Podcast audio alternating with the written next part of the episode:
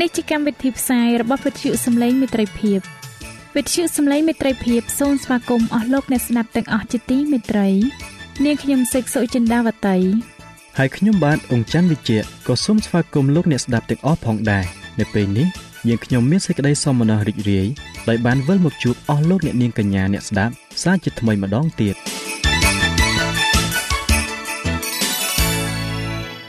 នាងខ្ញុំសេកសុចិន្តាវតី សូមជម្រាបជូនកម្មវិធីផ្សាយដែលមានជាបន្តបន្ទាប់ដូចតទៅនេតិជំហានទៅកាន់ព្រះគ្រីស្ទនេតិផ្លូវសម្រាប់ជីវិត ចា៎លោកអ្នកស្ដាប់ជាទីមេត្រី នាងខ្ញុំសូមគោរពអញ្ជើញអស់លោកលោកស្រី អ្នកនាងកញ្ញាតាមដានស្ដាប់កម្មវិធីផ្សាយរបស់វិទ្យុយើងខ្ញុំដូចតទៅ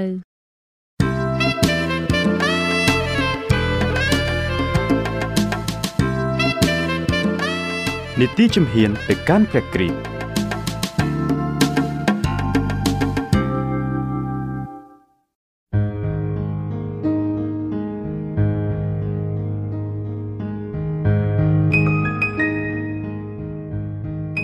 ចា៎អ្នកខ្ញុំសេកសុចិនាវតីសូមជម្រាបសួរអស់លោកលោកស្រីអ្នកនាងកញ្ញានិងប្រិយមិត្តទាំងអស់ជាទីមេត្រី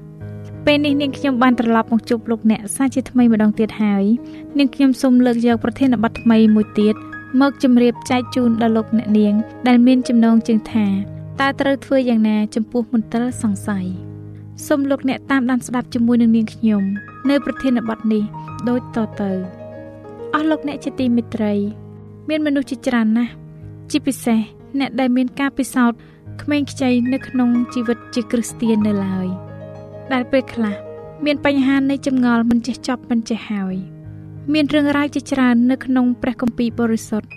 ដែលគេមិនអាចពន្យល់បាន ឬក៏មិនអាចយល់បានឆ្លៀតឱកាសនេះមានសាតាំងបានប្រើការទាំងអស់នេះជាមធ្យោបាយដើម្បីធ្វើឲ្យសេចក្តីជំនឿរបស់គេ ចាប់ផ្ដើមមានភាពរង្គោះរង្គើគេដណ្ដឹងសួរថាតើខ្ញុំអាចស្គាល់ផ្លូវនៃសេចក្តីសុចរិតបានដោយរបៀបណា អស់លោកអ្នកដែលកំពុងស្ដាប់វិទ្យុសំឡេងមេត្រីភាពជាទីមេត្រីប្រសិនបើព្រះគម្ពីរពិតជាព្រះបន្ទូលរបស់ព្រះជាម្ចាស់មែនតើធ្វើដូចម្ដេចទើបខ្ញុំអាចផុតពីសេចក្តីមន្ទិលសង្ស័យនិងការភ័ន្តច្រឡំនេះបានព្រះជាម្ចាស់មិនតម្រូវឲ្យយើងមានជំនឿដោយគ្មានផ្ដាល់ផុសតាងគ្រប់គ្រាន់ដែលជាមូលដ្ឋានគ្រឹះនៃសេចក្តីជំនឿរបស់យើងនោះឡើយភាពថិតថេររបស់ទ្រង់លក្ខណៈរបស់ទ្រង់ សច្ចភាពនៃព្រះបន្ទូលរបស់ទ្រង់គឺស្ថាបនាឡើង ដោយទីបន្ទាល់ដែលមានហេតុផល ហើយមានយ៉ាងបរិបូរណ៍ផងប៉ុន្តែព្រះជាម្ចាស់មិនបានបំបត្តិចោលនៅលទ្ធភាពនៃការមន្ទិលចោលចេញទេសេចក្តីជំនឿរបស់យើងស្ថិតនៅលើភ័ស្តុតាង មិនមែននៅលើការសម្ដែងឡើយអ្នកណាដែលមានចំណងខាងការសង្ស័យនោះនឹងមានឱកាសសម្រាប់ការឆ្ងល់សង្ស័យ រីឯអ្នកណាដែលមានបំណងចង់ដឹងការពិត នោះនឹងរកឃើញភ័ស្តុតាងជាច្រើន ដែលជាបង្អែកនៃសេចក្តីជំនឿរបស់ពួកគេគំនិតប្រាជ្ញានៃមនុស្សធម្មតាมันអាចយល់បានពេញលេញនៅលក្ខណៈឬការងាររបស់ព្រះជាម្ចាស់ឡើយបើអ្នកខំស្វែងរកព្រះដ៏បរិសុទ្ធនឹងស្ថិតនៅជាសេចក្តីអាចកំបាំងដ៏ជ្រាលជ្រៅចំពោះអ្នកដែលមានប្រាជ្ញាឆ្លៀសវៃបំផុតដែលទទួលការរៀនសូត្របានខ្ពង់ខ្ពស់ទៅវិញ បើអ្នកខំស្វែងរកតើនឹងអាចស្គាល់សកម្មភាពព្រះបាន ឬយល់ដល់សេចក្តីគ្រប់លក្ខរបស់ព្រះដ៏មានប្រជាស្ដាបានដែរឬទេ នៅក្នុងព្រះគម្ពីរមានបរិសម្នាក់ឈ្មោះលោកយោបបានពោលនៅក្នុងព្រះគម្ពីរយោបជំពូក11ខ7ដល់ខ8ថាបើអ្នកខំស្វែងរកតើអាចនឹងស្គាល់សកម្មភាពព្រះបានឬយល់ដល់សេចក្តីគ្រប់លក្ខរបស់ព្រះដ៏មានគ្រប់នោះខ្ពស់ជាងស្ថានសួគ៌ទៅទៀត ក៏ជ្រៅជាងឋានឃុំប្រលឹងរបស់មនុស្សស្លាប់ផងធ្វើដូចម្ដេចឲ្យអ្នកយល់បានរីឯលោកសាវកពលឧទាននៅក្នុងព្រះគម្ពីររ៉ូមចំពុក11ខ33ថាអើណោះប្រាជ្ញានិងចំណេះដ៏បរិបូរណ៍របស់ព្រះជ្រៅណាស់តើឯព្រះតម្រេះរបស់ទ្រង់តើមានអ្នកណានឹងស្ទង់បាន ហើយផ្លូវទ្រង់តើមានអ្នកណានឹងរកតាមបានអស់លោកអ្នកដែលកំពុងស្ដាប់វិទ្យុសំឡេងមេត្រីភាពជាទីមេត្រី យើងអាចយល់បាន នៅការប្រស័យរបស់ទ្រង់ជាមួយយើង ហើយដោយសារមូលហេតុដែលទ្រង់បានធ្វើឡើងនោះបណ្ដាលឲ្យយើងអាចមើលឃើញ នៅសេចក្តីស្រឡាញ់និងសេចក្តីមេត្តាករុណាដ៏គ្មានព្រំដែនដែលផ្សារភ្ជាប់ទៅនឹងអំណាចដ៏គ្មានព្រំដែនកំណត់ដែរយើងអាចយល់បានយ៉ាងច្រើន នៅព្រះរាជបំណងរបស់ទ្រង់ដែលជាគុណប្រយោជន៍និងសេចក្តី និងសេចក្តីប្រពៃរបស់យើង លើសពីនេះទៅទៀត យើងក៏នៅតែទុកចិត្តទៅលើព្រះហស្ថនៃព្រះដ៏មានគ្រប់ទាំងប្រជាស្ដានិងព្រះハរតីដែលពោពេញទៅដោយសេចក្តីមេត្រីភាពអស់លោកអ្នកជាទីមេត្រីព្រះបន្ទូលព្រះជាម្ចាស់ក៏ដូចជាអត្តចរិតរបស់ទ្រង់ដែលជាព្រះជាម្ចាស់នៃការទាំងអស់ដែលបានបង្ហាញនៅសេចក្តីអាចកំបាំងដែលមនុស្សសាមញ្ញមិនអាចយល់បាន ដោយពេញលេញបានឡើយចំណូលនៃអំពើបាបក្នុងលោកី ការយាងមកយកកំណើតជាមនុស្សរបស់ព្រះគ្រីស្ទការបង្កើតជាថ្មីនៃមនុស្សការសុគតរបស់ព្រះគ្រីស្ទការរស់ឡើងវិញរបស់ទ្រង់និងកិច្ចការដ៏ច្រើនលើសលប់ផ្សេងផ្សេងទៀតដែលបានបង្ហាញនៅក្នុងព្រះគម្ពីរបរិសុទ្ធមានន័យអាចកំបាំងដ៏ជ្រាលជ្រៅហួសពីប្រាជ្ញានៃមនុស្សជាតិអាចពន្យល់បាន ឬមិនអាចទាំងយល់បានច្បាស់ផង យើងគ្មានហេតុផលអ្វី និងមិនទល់សង្ស័យអំពីការងាររបស់ព្រះជាម្ចាស់ទេពីព្រោះយើងមិនអាចយល់នៅអាចកំបាំងនៃផែនការរបស់ទ្រង់ឡើយនៅក្នុងពិភពដែលយើងរស់នៅនេះ យើងម្នាក់ម្នាក់ត្រូវបានហុំព័ទ្ធទៅដោយអាចកំបាំងជាច្រើន ដែលយើងមិនអាចប្រមាលដឹងបានតម្រង់នៃជីវិតដ៏សាមញ្ញបំផុតមួយក៏មានបញ្ហាអាចកំបាំងដែលសំបីតែទស្សនវិទូដ៏ឆ្លៀសវៃ ក៏មិនអាចមានលទ្ធភាពនឹងបកស្រាយបានដែរគ្រប់ទីកន្លែងទាំងអស់ពោពេញដោយភាពដ៏អស្ចារ្យដែលលើសអំពីការស្រមៃគិតរបស់យើងទៅទៀតអស់លោកអ្នកដែលកំពុងស្ដាប់វិទ្យុសំឡេងមេត្រីភាពជាទីមេត្រីតើយើងមិនដឹងទេថាសំបីតែនៅក្នុងពិភពនៃប្រលឹងក៏គង់មានអាចកំបាំងជាច្រើន ដែលយើងមិនអាចយល់បានដែរការដែលពិបាកនឹងយល់នោះគឺ ស្ថិតនៅលើភាពកំសោយ និងភាពចង្អៀតចង្អល់នៃចិត្តមនុស្សលោកយើងតែប៉ុណ្ណោះព្រះជាម្ចាស់បានផ្ដល់ឲ្យយើង នៅព្រះគម្ពីរបរិសុទ្ធដែលមានភស្តុតាងគ្រប់គ្រាន់អំពីលក្ខណៈរបស់ព្រះជាម្ចាស់ហើយយើងមិនគួរមានការសង្ស័យអំពីព្រះបន្ទូលរបស់ទ្រង់ឡើយពីព្រោះយើងមិនអាចយល់ឲ្យអស់ពីអាចកំបាំងទាំងឡាយនៃផែនការសង្គ្រោះរបស់ព្រះជាម្ចាស់នោះបានឡើយហេតុផលនេះហើយ ដែលសាវកពេត្រុសមានប្រសាសន៍នៅក្នុងព្រះគម្ពីរពេត្រុសទី2ចំពុក3ខ16យ៉ាងដូចនេះថា នៅក្នុងព្រះគម្ពីរមានសេចក្តីខ្លះដែលពិបាកយល់ហើយដែលពួកអ្នកខ្លៅល្ងងនិងពួកអ្នកដែលមិនខ្ជាប់ខ្ជួន គេបង្វែរនៃនៃសេចក្តីទាំងនេះដូចជាគេបង្វែរបត់កំពីឯទៀតឯទៀតដែរឲ្យខ្លួនគេត្រូវវិនាស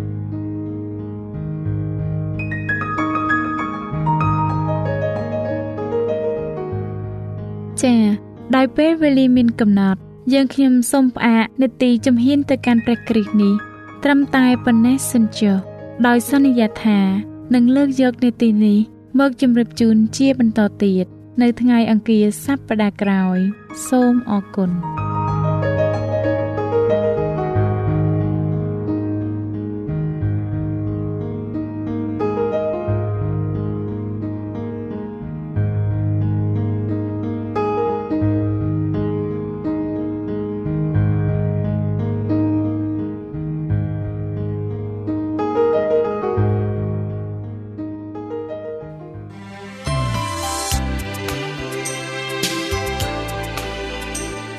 វិទ្យុសំឡេងមេត្រីភាព AWR ជាវិទ្យុដែលនាំមកពីក្នុងការនាំព្រះរាជសាររបស់ព្រះជាម្ចាស់សម្រាប់លោកអ្នក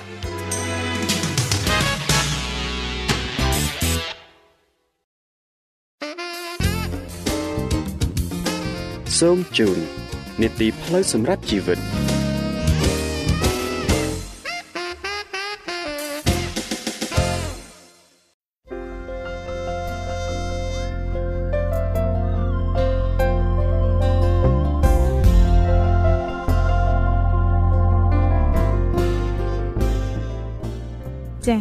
លោកដែលស្ដាប់ជាទីមេត្រីជាបន្តទៅទៀតនេះនាងខ្ញុំសូមអញ្ជើញលោកអ្នកនាងតាមដានស្ដាប់នេតិផ្លូវសម្រាប់ជីវិត កាលពីមេរៀនទី23លោកអ្នកបានស្ដាប់រួចមកហើយអំពីព្រះវិញ្ញាណបរិសុទ្ធនិងអំពើបាប ដែលព្រះពុំអាចអត់ទោសឲ្យបាន ហើយនៅថ្ងៃនេះ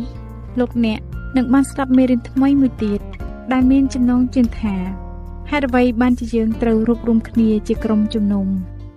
នៅពេលយើងបានទទួលព្រះយេស៊ូវហើយ យើងមិនត្រូវថ្វាយបង្គំនៅតាមផ្ទះតាមគ្រួសាររៀងខ្លួនទេ គឺយើងត្រូវចូលរួមគ្នាជាក្រុមជំនុំការនេះព្រះយេស៊ូវក៏បានធ្វើជាគំរូទុកឲ្យយើង នៅក្នុងព្រះគម្ពីរលូកាជំពូក4ខ16ដែលបានចែងថា រួចទ្រង់យាងមកដល់ណាសារ៉េតជាស្រុកដែលទ្រង់គង់នៅពីកូម៉ាក៏ចូលទៅក្នុងសាលាប្រជុំនៅថ្ងៃឈប់សម្រាកតាមទម្លាប់ទ្រង់ ហើយឈរឡើង ដើម្បីអានមើលគម្ពីរតើការចូលរួមជាក្រុមជំនុំមានផលប្រយោជន៍អ្វីខ្លះចា៎ដើម្បីឲ្យលោកអ្នកនាងកាន់តែយល់ច្បាស់ថែមទៀតពីមេរៀននេះនាងខ្ញុំសូមគោរពអញ្ជើញលោកអ្នកនាង តាមដានស្ដាប់មេរៀនទី24ភាគទី2នេះដែលនឹងជម្រាបជូនដល់លោកអង្ចាន់វិជ្ជៈដូចតទៅ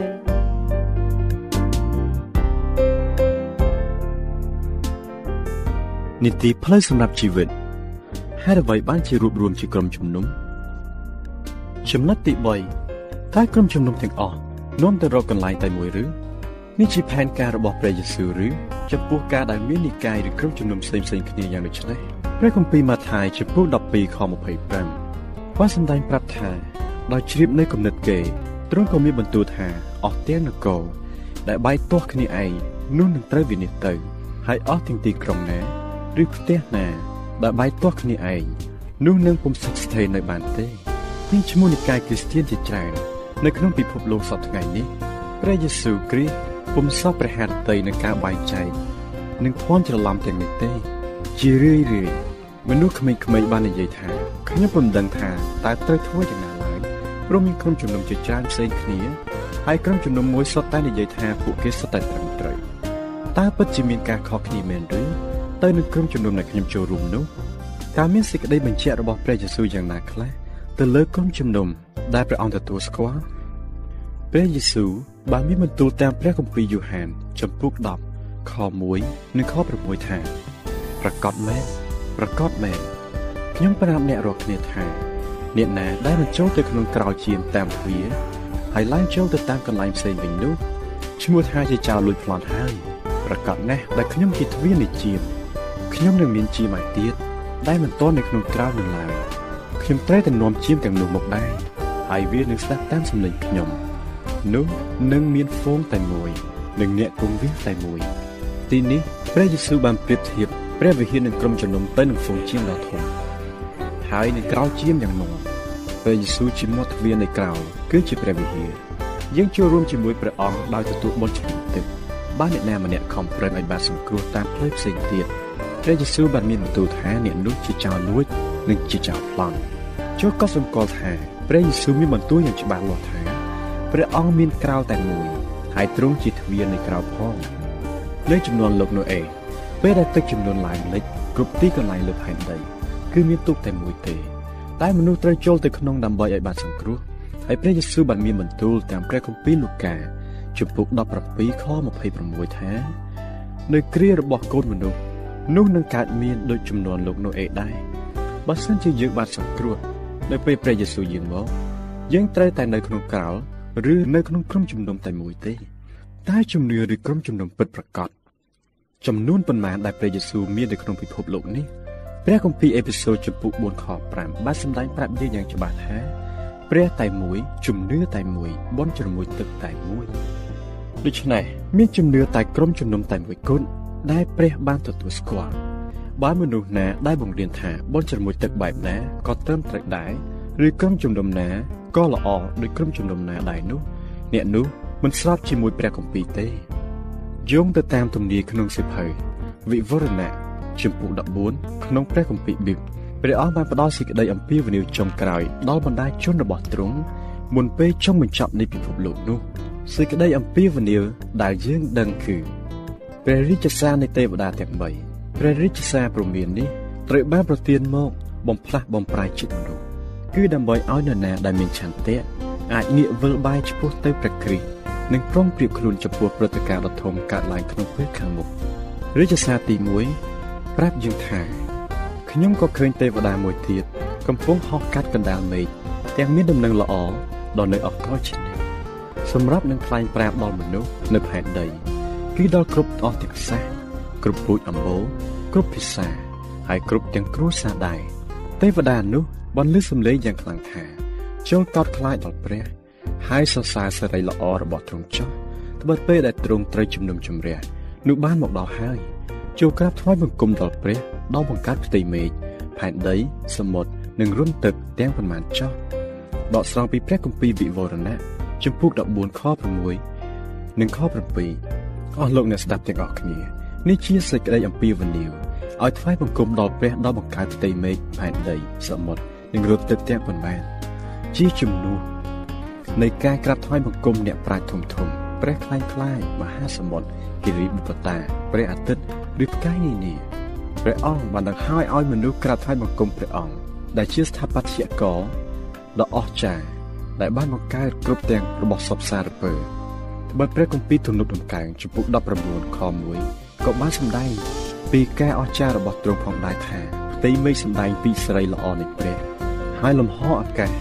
ក៏បង្ហាញការដែលព្រះហស្ថទ្រង់ធ្វើដែរកាលដើមដំបូងព្រះបានសាងកិច្ចការស្នាព្រះហស្ថយ៉ាងអស្ចារ្យគួរឲ្យចងចាំហើយបានតាំងថ្ងៃសបាដែលជាថ្ងៃឈប់សម្រាកទុកជាសេចក្តីរំលឹកអស់កលជានិច្ចនិងជាសក្ខីភាពនៃអំណាច ក្នុងការបង្កើតរបស់សពសារពើដោយតួអង្គទ្រង់ផ្ទាល់បញ្ញត្តិដ៏វិសុទ្ធរបស់ទ្រង់បានចែងថាចូលឲ្យនឹកចាំងពីថ្ងៃឈប់សម្រាកហើយញ៉ៃថ្ងៃនោះចេញជាបរិសុទ្ធហើយគោលវិចារនៃបញ្ញត្តិកម្មត្រូវបានបញ្ជាក់យ៉ាងច្បាស់លាស់នៅក្នុងព្រះគម្ពីរនិខមណាញ់ជំពូក20ខ8រហូតដល់ខ11ថាត្បិតក្នុង6ថ្ងៃព្រះយេហូវ៉ាទ្រង់បានធ្វើផ្ទៃមេឃផែនដីហើយនិងសមុទ្រព្រមទាំងរបស់សពសារពើនៅស្ថានទាំងនោះដែរ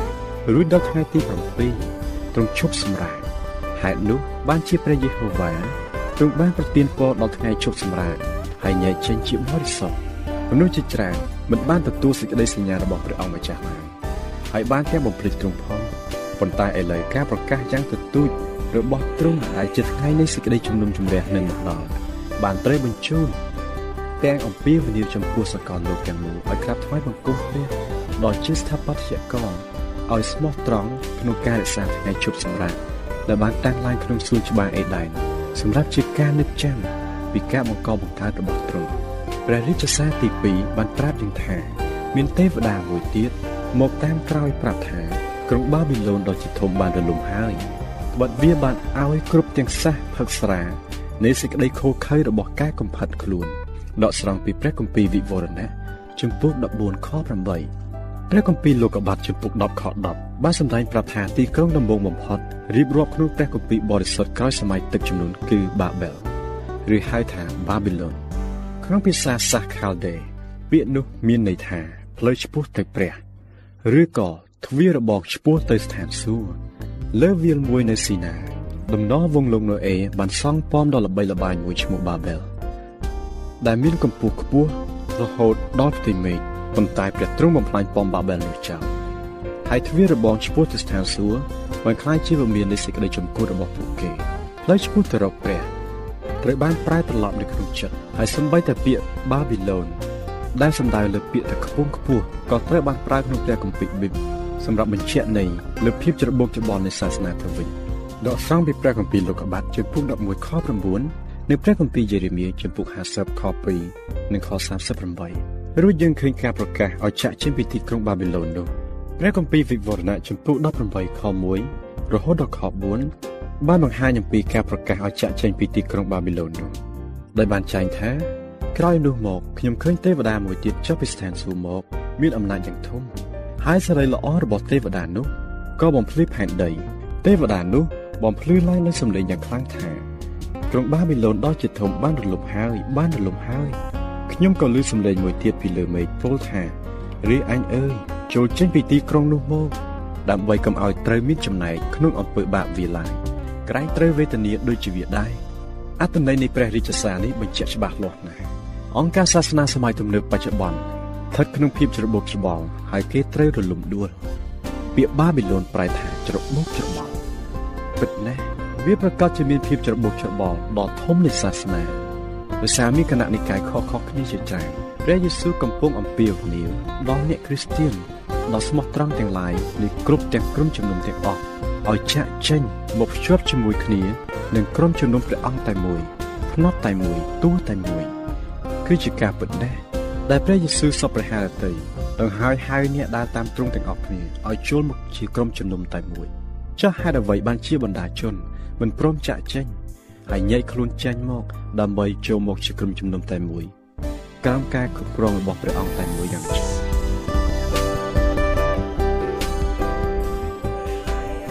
ចា៎បងប្អូនប្រិយមិត្តអ្នកស្ដាប់ជាទីមេត្រី ដោយពេលវេលាមានកំណត់យើងខ្ញុំសូមផ្អាកនីតិផ្លូវសម្រាប់ជីវិតនេះត្រឹមតែប៉ុណ្ណេះសិនចុះដោយសន្យាថានឹងលើកយកនីតិនេះមកជម្រាបជូនជាបន្តទៅទៀតនៅថ្ងៃពុធសប្តាហ៍ក្រោយ សូមអរគុណ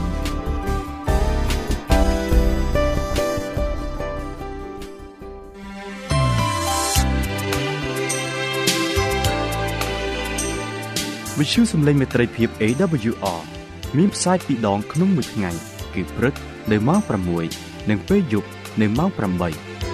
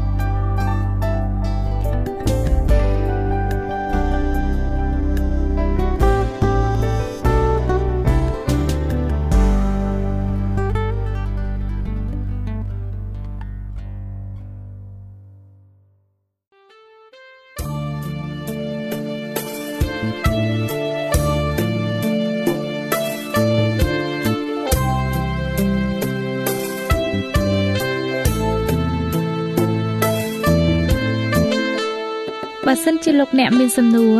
ឬសំណុំពរអ្វីសូមតាក់ទងមកការិយាល័យវិទ្យុយើងខ្ញុំ តាមអាស័យដ្ឋានផ្ទះលេខ15ផ្លូវលេខ568សង្កាត់បឹងកក់2ខណ្ឌទួលគោករាជធានីភ្នំពេញលោកអ្នកក៏អាចសរសេរសម្បត្តិផ្ញើមកយើងខ្ញុំ តាមរយៈប្រអប់សម្បត្តិលេខ488ភ្នំពេញឬតាមទូរស័ព្ទលេខ012 34 96 64ឬ097 80 81 060ឬក៏តាមរយៈអ៊ីមែល vol@awr.org យើងខ្ញុំរងចាំទទួលស្វាគមន៍អស់លោកអ្នកនាងដោយក្តីសោមនស្សរីករាយហើយលោកអ្នកក៏អាចស្ដាប់កម្មវិធីនេះឡើងវិញដោយចូលទៅកាន់ website របស់វិទ្យុយើងខ្ញុំ តាមរយៈអាស័យដ្ឋាន www.awr.org